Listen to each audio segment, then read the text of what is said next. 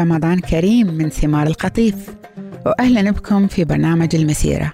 بنتعرف في مسيرتنا على قصة الله مع البشر من بدء الخليقة لحد ما تحقق وعد الله لنجاة البشر من خلال المسيح.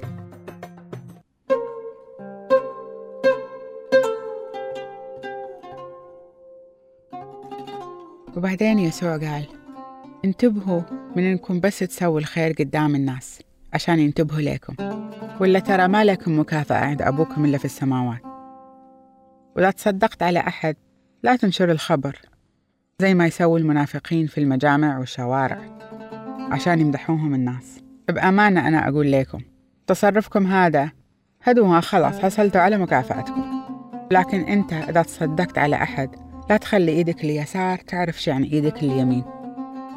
خلي صدقتك بالسر وأبوك اللي يشوف في السر هو اللي بكافئ وإذا صليتوا لا تصيروا زي المنافقين اللي يحبوا يصلوا واقفين في المجامع وتقاطع الشوارع عشان يشوفوهم الناس. هدانا أقول لكم الحق. هدوهم حصلوا خلاص على مكافأتهم. لكن أنت إذا صليت ادخل غرفتك وسكر عليك الباب وصلي لأبوك اللي يشوفك في السر. وأبوك اللي يشوفك في السر هو اللي بكافئ وإذا صليتوا لا تعيدوا وتزيدوا في كلام فاضي زي ما يسووا الوثنيين. لأنهم يفكروا إذا عادوا وزادوا في الكلام بيستجاب لهم. لا تسووا زيهم. لأن أبوكم يعرف وش أنتم محتاجين له حتى قبل ما تسألوا ولكن أنتم صلوا زي هذه الصلاة. أبونا اللي في السماوات يا رب اسمك يكون دائما مقدس بين الناس. ويا رب بيجي ملكوتك ويا رب تصير مشيئتك على الأرض زي ما هي في السماء. أعطينا خبزنا اليومي واعفي عنا خطايانا زي ما إحنا نعفي عن اللي يغلطوا علينا. ولا تسمح لنا ننغوي لكن نجينا من وسوسة الشرير. لأن لك الملك والقوة والمجد إلى الأبد. آمين.